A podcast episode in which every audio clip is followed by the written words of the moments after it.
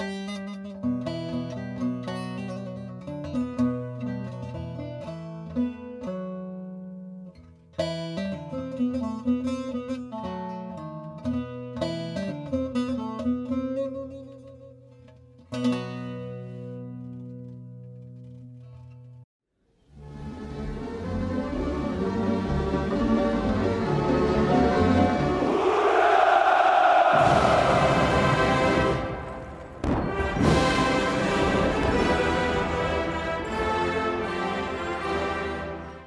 Rusya'dan Sevgiler'in 19. bölümüne hoş geldiniz. Her hafta olduğu gibi yine karşınızdayız. Bugün bir konuğumuz var. Kırım Kalkınma Vakfı Genel Sekreteri Vasfi Sel bizlerle. Hoş geldin. Merhabalar, hoş bulduk. Bugün Ukrayna konuşacağız, Kırım konuşacağız, Tatarları konuşacağız. Rusya'yla 7 yıldır özellikle yaşanan büyük krizi konuşacağız. Ve şöyle bir genel soruyla başlayalım. Yani 2013'ten beri gerçekten de Ukrayna'da taş üstünde taş kalmayacak şekilde problemler yaşanıyor. Önce Euromaidan, Yanukovic ile ilgili yaşanan problemler, Avrupa Birliği, sonrasında Doğu'da yaşanan savaş, Kırım'ın Rusya tarafından alınması, referandum süreçleri derken bu 2013 ve 2014'ü nasıl yorumlarsın genel anlamda başlıklar halinde? Genel anlamda şöyle yorumlayabilirim. Aslında Ukrayna'da çok uzun yıllardır yani 1991'de Sovyetler Birliği e, dağıldıktan sonra özellikle nüfus içerisinde etnik olarak Ukraynalıların diğer etnik halklara ve özellikle Rus etnik nüfusuna karşı uyguladığı bir politika var. Buna hani literatürde de-Rusifikasyon denilen devletin aslında kendi vatandaşlarına karşı uyguladığı adeta bir baskı politikası var. Bakıldığında Ukrayna'yı bir e, haritayı gözümüzde canlandırdığımızda işte Harkov'dan Odessa'ya kadar e, Dnieper Nehri'nin doğusunda yaşayan halkın çok büyük bir kısmı etnik olarak Rus. Bu tarihi açık olan bir hadise. Hatta 2014'te Kırım'da referandum gerçekleştikten sonra bu bölgelerdeki insanlar acaba biz de mi referanduma gidelim formülünü veya Donbas'taki gibi sıcak çatışma üzerine bir ilerleme mi sağlayalım gibi e, fikirleri tartışıyorlardı. Aslında biraz daha geriye gitmek lazım. Sanki 2004'lü yıllara e, Yanukovic ve Yushchenko arasındaki iktidar kavgasında e, ve sonrasında yaşanan işte turuncu devrim. Burada bakıldığında e, batılı güç odaklarının e, yardımıyla Ukrayna'da milliyetçilik dipten gelen adeta nazizme yakın bir milliyetçilik uykusundan uyandırıldı. Geçmişte vardı zaten İkinci Dünya Savaşı sırasında. E, Maydan sonrası da ülkeyi kanser gibi saran bu etnik Ukrayna milliyetçiliği bugün artık daha böyle faşizan bir hale gelmiş durumda. Bu agresif tavır yakın gelecekte Ukrayna'nın önce Donbas'ta sonra da Doğu Ukrayna topraklarının büyük bir kısmında giderek daha büyük sorunlara sebep olacağını gösteriyor benim açımdan. Ayrıca e, Ukrayna biliyorsunuz ki üniter bir devlet yapısına sahip. Ukrayna'nın bu devlet bütünlüğünü koruyabilmesi için bu üniter yapıdan belki federal yapıya geçmesi Ukrayna açısından daha e, faydalı olabilir ileriki dönemlerde. Zaten Kırım'ın, e, Ukrayna'nın Kırım'ı kaybetmesindeki en büyük sebeplerden birisi de buydu. E, bu ısrarcı tavırda devam ederse Ukrayna işte Harkov'dan Odessa'ya çizilen hat boyunca büyük bir etnik parçalanmaya gitmesi muhtemel benim görüşüme göre. Zaten baktığımızda e, bugün Donbas'ta yani Donetsk ve Lugansk şehirlerinde Ukrayna hakimiyetini kaybetmiş durumda. Bu bölgelerdeki hakimiyet kaybının acısını bölgedeki bulunan sivil halk üzerine e, uyguladığı baskıyla yer yer e, savaş durumuyla e, bu acıyı çıkarmaya çalışıyor. Benim kendi fikrimce Donbas ve Kırım bir domino etkisi yaratacak. Uzun zamandır beklenen bir şey bu zaten. Harkov, Herson, Geniçesk, Mariupol, Melitopol e, ve Odessa. İleride belki Donbas veya Kırım gibi bir e, gelişmeyle karşı karşıya kalabilir.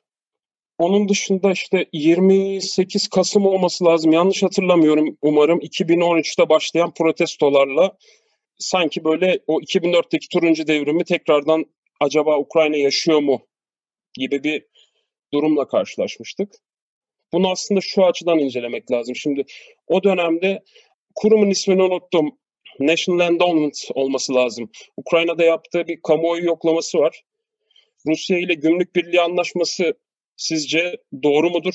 Siz buna evet mi dersiniz yoksa hayır mı dersiniz diyor. Yüzde 40 e, üstü bir oranda evet rakamından bahsediliyor bütün genel Ukrayna'da. Bu rakamlar doğuda yüzde 64.5 olması lazım. Güneyde ise yüzde 54 veya 55 olması lazım. En az isteyen e, bölge ise yüzde 16.4 ile batı bölgesi. Batıdaki rayonlar. Aynı araştırmada sorulardan bir diğeri ise e, AB'ye üyelik. Şimdi yoklamaya göre AB'ye üyelik %39.7 ile evetken %35.1 ile hayır deniliyor. Bu çok önemli. Ee, ve batı bölgelerinde evet oranı %66.4 ve ülke genelinde %50'den fazlası evet diyor. Ee, %50'den fazlası e, evet derken 18-29 yaş arası yani genç nüfus evet'i %52 ile karşılıyor. %28 ile evet'i yaşlılar. Yani 70 yaşın üzeri evet diyor. Yani dolayısıyla Ukrayna'yı sadece etnik bölgesel olarak bakmamak aynı zamanda demografik olarak iyi incelememiz gerekiyor son dönemi.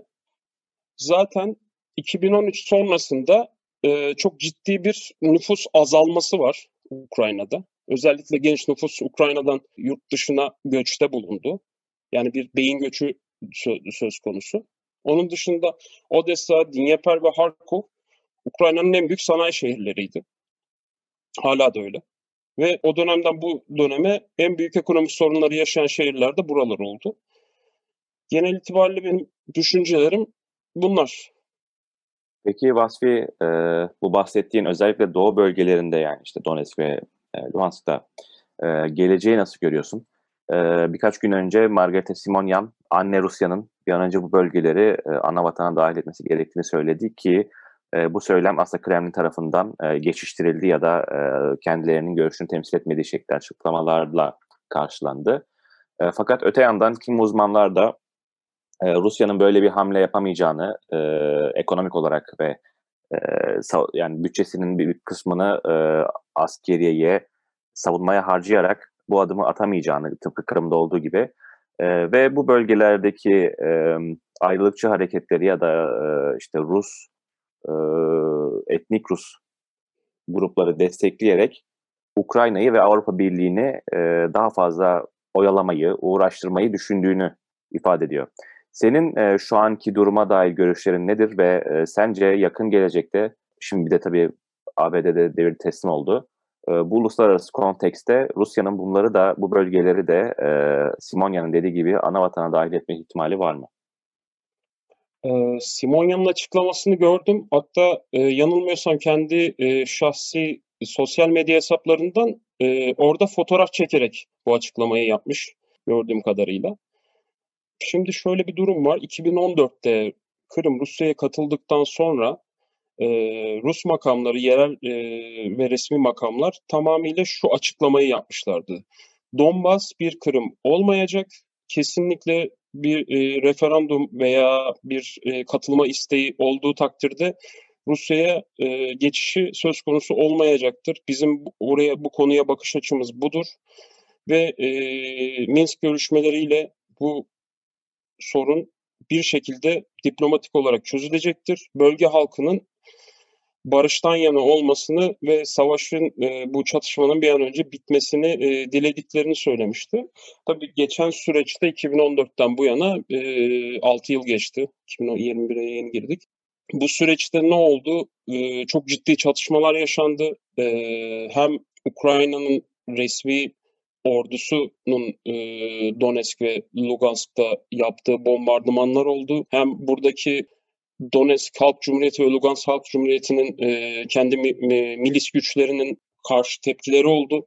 Çok ciddi sıkıntılar yaşandı. Şimdi halkın net bir şekilde Rusya'ya katılma isteği var.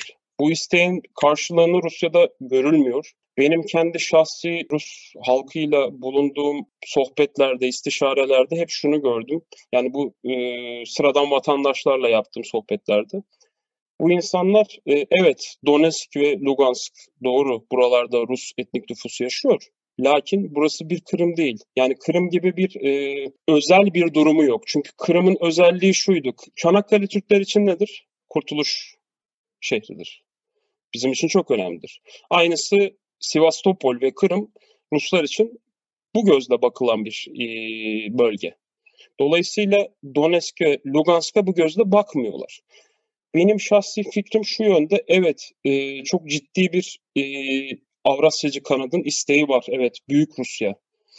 Buralarda Rus topraklarına katılması gerekiyor. Fikri var, doğru. Bu açık gerçek. E, uzun yıllardır zaten dile getirilen bir hadise. Yakın gelecekte katılır mı? Ben zannetmiyorum. Ama e, şu, benim görüşüm şu şekilde. Sanırım orta vadede Ukrayna ve Rusya arasındaki bu çatışmaz çatışma durumlarından bu anlaşmazlığı şu şekilde çözebilirler. Donetsk'teki çatışmalar bitsin ve biz de Kırım'ı Rusya toprağı olarak tanıyalım. Benim görüşüm bu şekilde. Ben burada şunu sormak istiyorum. Yani ya sonuçta ister istemez Kırım üzerinden de Ukrayna'nın doğusu üzerinden de Rus milliyetçiliği ister istemez körükleniyor ve Kremlin'de yani özellikle Putin 2014 sonrası bu hamleyle birlikte kendi popülaritesinde hiç olmadığı kadar arttırmıştı. Yani belki 2008'den çok daha fazla bir şekilde arttırmıştı. Burada Kremlin hatalarını neler olarak görüyorsun? Sence bu meseleler daha farklı yollarla, daha barışçıl bir şekilde çünkü 2014'ten sonra ilişkiler kopma noktasına geldi ve bugün Ukraynalılar ve Ruslar arasında korkunç bir düşmanlık diyebileceğimiz durum söz konusu. Daha farklı çözülemez miydi bu meseleler? Ee, düşmanlık hususuna şöyle katılmıyorum.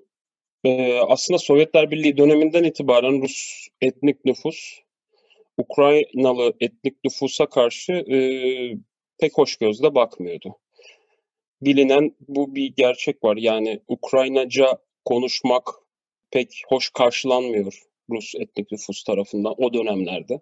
Öyle bir durum var. Yani bu Ukraynalı etnik nüfusla Rus etnik nüfus arasındaki bu anlaşmazlık aslında 2014'te veya e, daha öncesinde e, çıkan bir şey, daha sonrasında çıkan bir şey değil. Yani daha geçmişe dayanan bir durum söz konusu. Benim şahsi fikrim gereğince. Ama e, bu e, ilişkiler daha barışçıl yollardan halledilebilir miydi? Bence zor. Çünkü sebebi de e, Ukrayna'da 2013'te hatta daha öncesinde de e, Ukrayna'da var olan bu aşırı milliyetçi, aşırı etnik milliyetçilik damarının e, bir türlü törpülenmemesinden kaynaklı Ukraynalıların Ruslara bakış açısı e, birazcık bana abartılı geliyor açıkçası. Ama biz tabii ki bu ülkelerde e, yaşayan insanlar e, olsak da e, kendi açımdan e, burada doğup büyümedik ya biz ben Ukraynalı değilim, Rus da değilim. E, dolayısıyla onların tarihi e, tepkilerini e, tam olarak süzemiyoruz. Sadece okuduklarımızla, yaşadıklarımızla ve gördüklerimizle e, bazı şeyleri yorumlayabiliyoruz. Benim şahsi fikrimce daha barışçıl bir yöntem olamazdı. Bunun da temel sebebi Ukrayna'daki e, 2013'te birlikte ortaya çıkan, tekrardan e, uykusundan uyandırılan bu etnik milliyetçilikten kaynaklı olduğunu düşünüyorum şahsi olarak. Ya bu pravi sektör yani sağ sektör e, adı altındaki bu e, paramiliter e, milis güçlerin e, Ukrayna'yı adeta bir e, tabiri caizse terör bölgesi haline getirmesi bu barışçıl ortamın oluşmasına e, ön ayak olamıyordu, engel oluyordu diye düşünüyorum. Ee, ben bu noktada biraz daha Türkiye'yi ilgilendiren bir cepheye aslında değinmek istiyorum ki bu da hani Kırım Tatarları ki senin de en yakından herhalde ilgili olduğun e, alt başlık budur.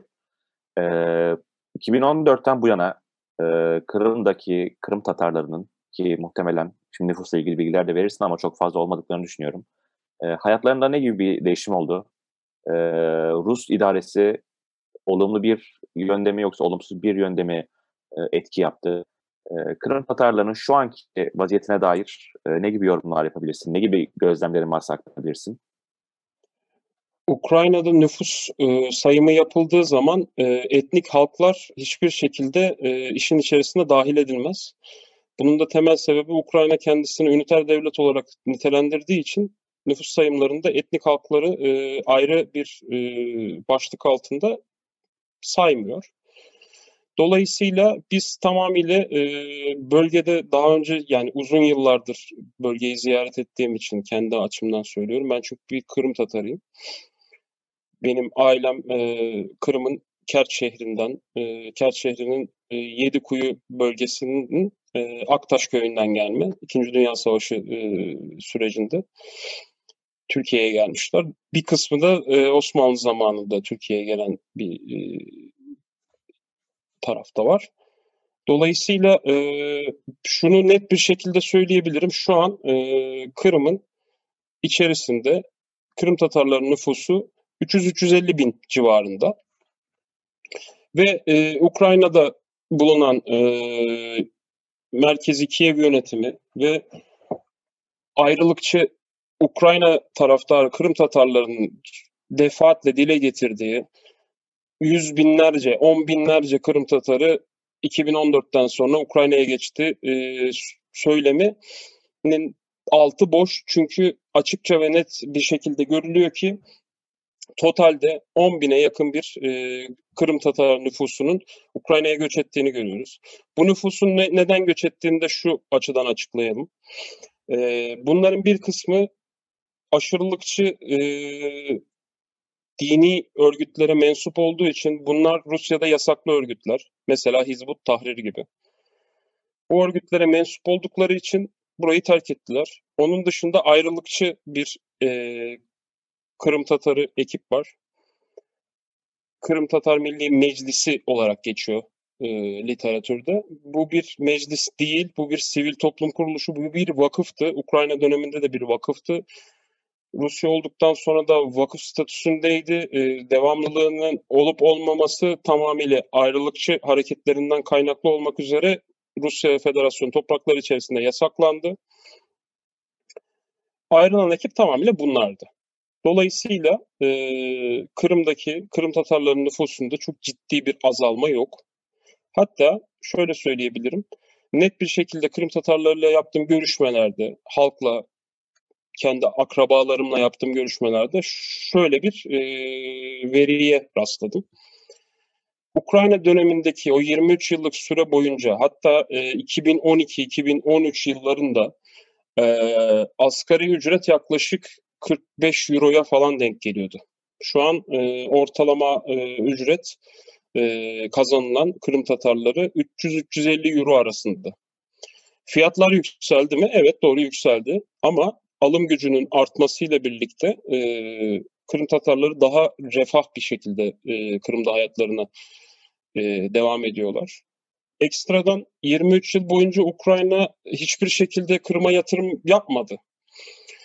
Aslında çok ilginç bir durum. Çünkü şöyle e, bakmak lazım. Kırım, e, Karadeniz bölgesinin en turistik yerlerinden birisi. İşte bir diğerini Soçi olarak sayabiliriz. Bu bağlamda. Ve Ukrayna ciddi anlamda neredeyse çeyrek asır diyelim. E, Kırım'a ufak bir yatırım yapmadı. Kırım'a yapılan, e, Kırım'a Ukrayna zamanında yapılan en son yatırımlar Sovyetler Birliği döneminde Moskova'dan verilen direktifler neticesinde Ukrayna Sovyeti'nin gerçekleştirdiği yatırımlardı.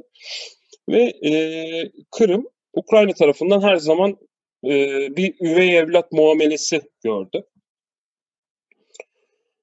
Şu an e, Kırım'daki en önemli konulardan birisi de Rusya Federasyonu'na bağlandıktan sonra Rusya Federasyonu Devlet Başkanı Vladimir Putin'in imzaladığı bir kararname var. Sürgüne uğrayan etnik halkların haklarının iadesi, rehabilitasyon e, kararnamesi olarak geçiyor. Bunun e, gereğini yerine getirilerek uygulanmaya e, başlandı 2014'ten bu yana. Bu e, kararnamedeki en önemli maddelerden birisi şuydu.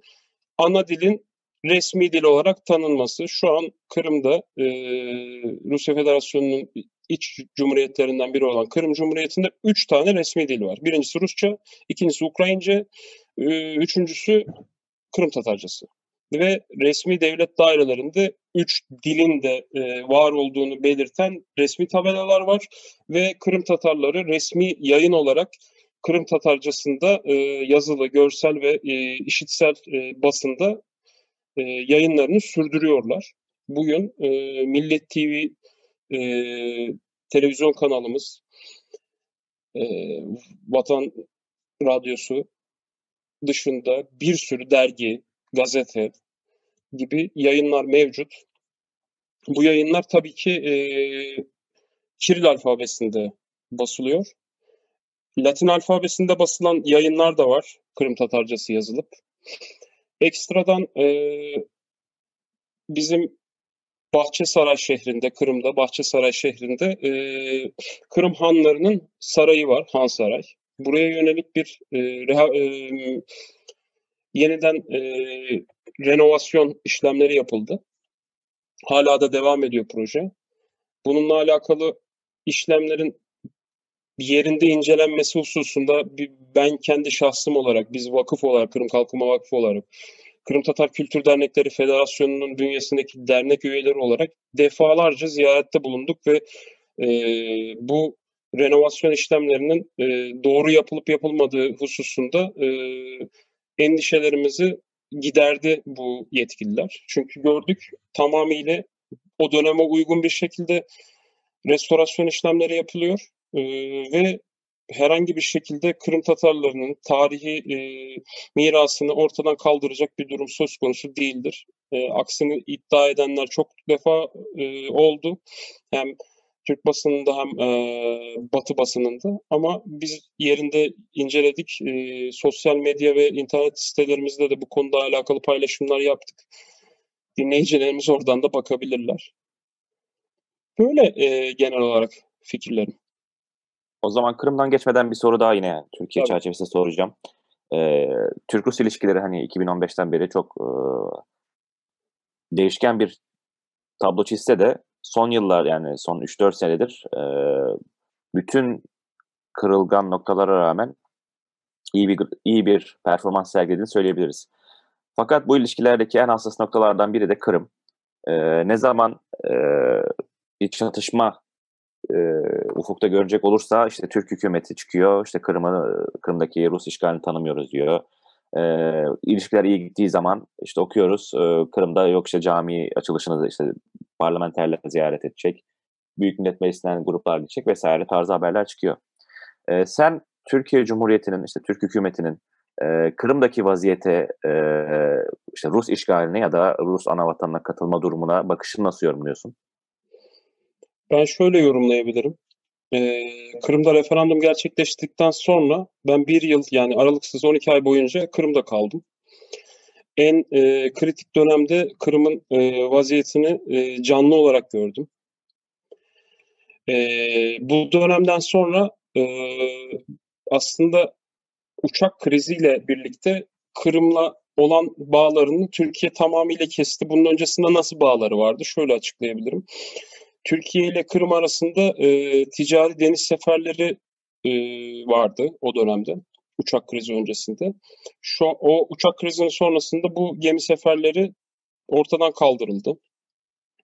Bu gemi seferleriyle iki ülke arasındaki ticaret hacmi 1 milyon dolardı. Bugün e, Kırımlı yetkililerin söylediklerine göre bu 1 milyon dolara en az 300 bin dolar daha eklenebilir ve e, ticaret hacmi ciddi anlamda iki kara arasında e, güzel bir şekilde işleyebilir. Lakin e, Türkiye buna sıcak bakmıyor. Eskiden e, çok yani referandum olduğu halde e, Kırım Rusya'ya katıldığı halde bir yıla aşkın bir süre boyunca bu yemi seferleri vardı. Şu an yok. Tabii e, Ukrayna döneminde İstanbul'dan 45 dakikalık uçaklarla ana vatana Kırım'a gidebiliyorduk. Şu an gidemiyoruz. Şu an e, ana kara Rusya'ya gidip oradan bir şekilde geçmemiz gerekiyor. Aa, ve e, uçak krizi öncesinde aslında Türkiye bir resmi heyet yolladı Kırım'a. Belki siz de biliyorsunuzdur. Bu heyet yerinde incelemeler yaptı. Gerekli e, raporları da Cumhurbaşkanlığına ve dönemin e, Dışişleri Bakanlığı'na sunduğunu e, açıklamışlardı. O süreçten sonra Kırım'a resmi olarak hiçbir heyet Türkiye'den gitmedi. E, lakin biz e, Kırım 2014'te e, referandumla Rusya'ya katıldıktan sonra kendi e, inisiyatifimizle bir e, heyet halinde Kırım'a gittik.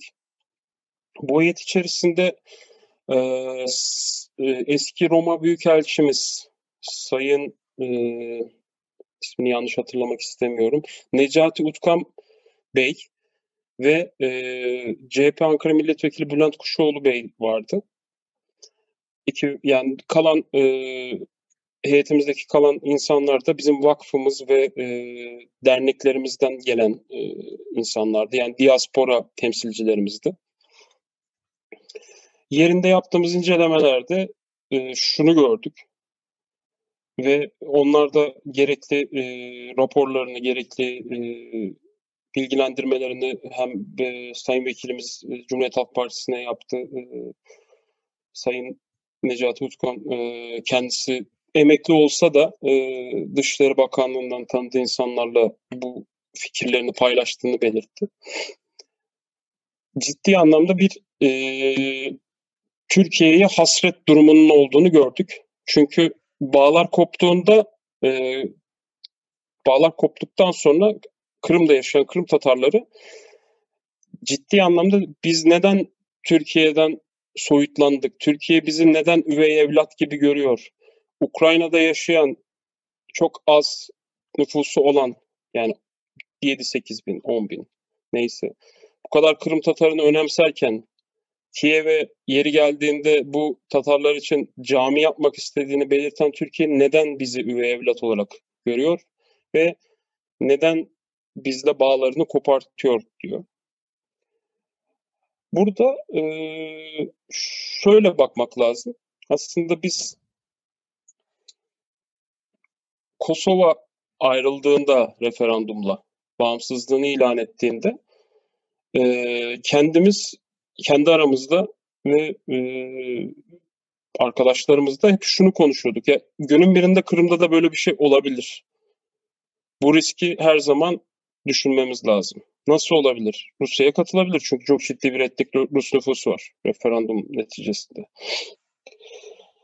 Türkiye'de e, o dönemde bu isteklerimize bir e, karşılık vermedi.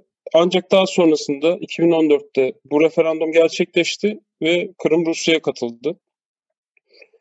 Türkiye'nin belki de e, isteği şu şekilde ileride kendi içerisinde bir referandum yaşanıp toprak bütünlüğünün bozulmasına öne yak olacak durumlara e, ket vurmak için bu referandumu tanımadığını ve Ukrayna'nın e, toprak bütünlüğünü savunduğunu her defasında dile getiriyor. Benim şahsi fikrim bu yönde. O halde burada biraz daha günümüze doğru gelip Zelenski üzerinden soruyu sormak istiyorum. Şimdi evet 2014 sonrası Yanukovic'in gitmesi ve Poroshenko'nun gelmesiyle hem Ukrayna iç siyasetinde hem de Ukrayna'nın dış ilişkilerinde bambaşka bir dönem başladı. Daha sonrasında Zelenski iktidara geldi ve peki Zelenski bir şeyleri değiştirebildi mi ya da değiştirebilmek motivasyonunu kendi içinde taşıyor mu? Çünkü aynı zamanda özellikle Timoshenko ve çevresi tarafından da oldukça eleştirilen bir isim Zelenski. Bu geçtiğimiz yerel seçimlerde de görmüştük bu süreci. Bu kısmı nasıl yorumlarsın Zelenski iktidarını? Zelenski iktidarını yorumlamam gerekirse şu şekilde bakıyorum. Aslında e, göreve geldiklerinde e, geçmişte yapılan hataları yapmayacaklarını söylediler. Ama benzer hataları kendileri de yaptılar. Nasıl yaptılar? E, şöyle açıkça ortada olan şeyler bunlar zaten. E, öncelikle bu etnik nüfus milliyetçiliğinin önüne geçemiyorlar. Hala en büyük sorunlardan bir tanesi bu. Şimdi e, Ukrayna kendini batıda görüyor. Ukrayna kendini Avrupa Birliği'nin içerisinde görüyor. Lakin şöyle bir şey var. Avrupa Birliği bir cemiyet ve bu cemiyetin içerisinde bu bu taraftaki yani aslında şöyle söylemek gerekirse yani Adriyatik'in doğusundaki insanların bu cemiyet içerisinde e, ciddi anlamda bir yeri yok. Bu cemiyetin içerisinde yeri olmadığı gibi Avrupa Birliği içerisinde aldıkları bu taraftaki yani bu coğrafyadaki e, ülkelerin vatandaşları genel itibariyle Avrupa Birliği ülkelerinin yani temel ülkelerin, Avrupa Birliği'nin temel ülkelerinin, Avrupa'nın temel ülkelerinin içerisinde e, iş gücü olarak kullanılıyor. Mesela nasıl? Şöyle söyleyeyim. Ukraynalı e, çalışanlar, Ukraynalı işçiler, Ukraynalı mühendisler genel itibariyle e, ciddi anlamda bir Kanada'ya göç yaptılar. Ukrayna'nın doktorları, mühendisleri. Çünkü zaten e, bakarsanız görürsünüz Ukrayna'nın en büyük diasporası, Ukraynalı diasporası Kanada'da yaşıyor. Orada ciddi bir nüfusları var. Seçimleri etkileyebilecek derecede nüfusları var. E, veya Roma, Romenler İtalya'da bugün çalışıyor e, işçi olarak. Veya daha da e, çirkin bir vaziyeti dile getirmek gerekirse bu da açıktır. Avrupa Birliği'nin içerisindeki basında da zaten e, yer yer e, dile getirilmiştir. Ukraynalı e, kadınlar taşıyıcı anne olarak e, hayatlarını idame ettirmek e, durumunda kalmışlar. Çünkü ciddi bir para veriliyor taşıyıcı annelere e, Avrupa ve e, Amerika'dan ve Kanada'dan.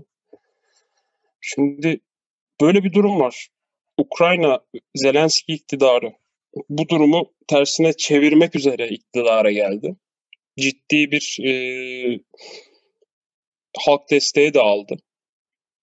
Poroshenko gibi güçlü bir figürün karşısında hatta. Poroshenko niye güçlüydü? Poroshenko bugünkü Ukrayna'nın ya daha doğrusu Ukrayna'nın bugünkü durumuna gelmesinin müsebbiplerinden biriydi. Bundan dolayı e, güçlü bir figürdü ve halk ciddi anlamda Poroshenko'yu destekliyordu ve Poroshenko'nun arkasındaki e, oligarklar Poroshenko ile birlikte kendi servetlerine daha da çok servet katabileceğini e, bildikleri için bu şekilde hareket ediyorlardı. Rusya'da bir laf var. E, diyorlar ki Kistati da в России началась весна, а на Ukrayne e, кончилась казна. Yani şu e, evet Rusya'da bir bahar oldu. Yani bu e, Donbas, Kırım bu bir bahardı evet doğru. Ama Ukrayna'nın hazinesi e, yok oldu. Gidiyor. Gitti şeklinde. E, durum aslında bu şekilde birazcık yani. Ukrayna e, her geçen gün daha da fakirleşme e, yoluna gidiyor maalesef. Çünkü halk e, beceriksiz iktidarların e, ceremesini birazcık çekmek durumunda kalıyor. E, Poroshenko sonrası Zelenski'nin bir e, ciddi bir başarısını ben göremedim. Hatta e, yerel seçimlerde de zaten e, pardon evet pardon e, yerel seçimlerde doğru. Yerel seçimlerde de zaten gördük. E, çok en büyük şehirlerde Poroshenko'nun adayları veya bağımsız adaylar Zelenski'nin partisinin adaylarının önüne e, açık ara önüne geçti ve e, belediye başkanı oldular bölgelerde.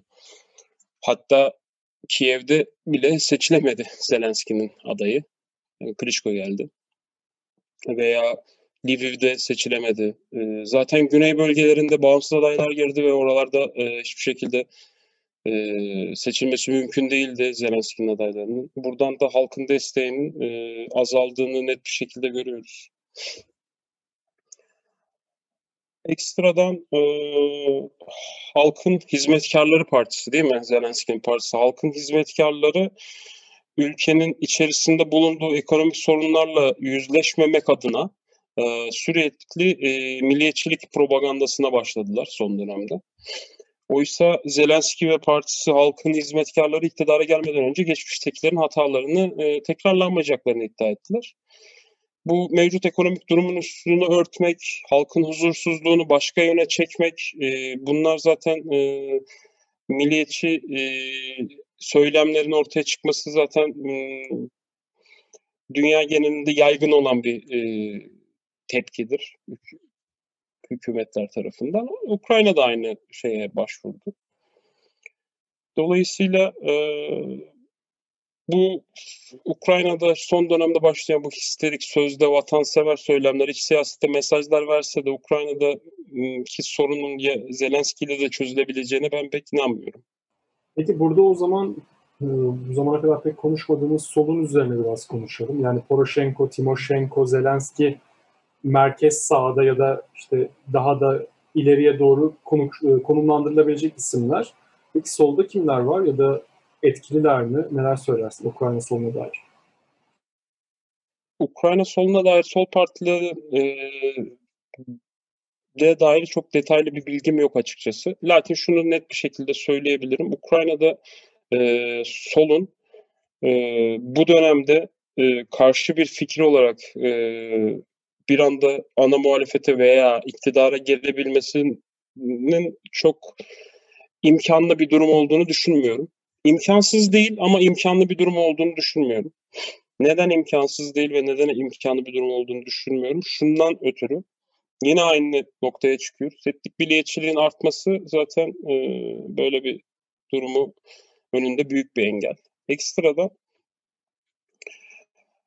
1991'de Sovyetler Birliği parçalandıktan sonra Ukrayna'daki sol hareketler her zaman e, çok cılız kaldılar. Yani çok ciddi anlamda bir yönde çok e, ülkenin e, kitlelerin peşinden sürükleyebilecek e, noktaya hiçbir zaman gelemedi. Bundan dolayı bu şekilde düşünüyorum. O halde teşekkür ederiz sorularımıza cevap verdiğin ve bizim programımıza katıldığın için. Çok teşekkürler. Ben, ben teşekkür ederim. Rusya'dan sevgilerlerin 19. bölümü böyleydi. Bu hafta Kırım Kalkınma Vakfı'ndan Vasfi Sel'i konuk ettik. Gelecek haftalarda tekrar görüşeceğiz. Hoşçakalın diyoruz.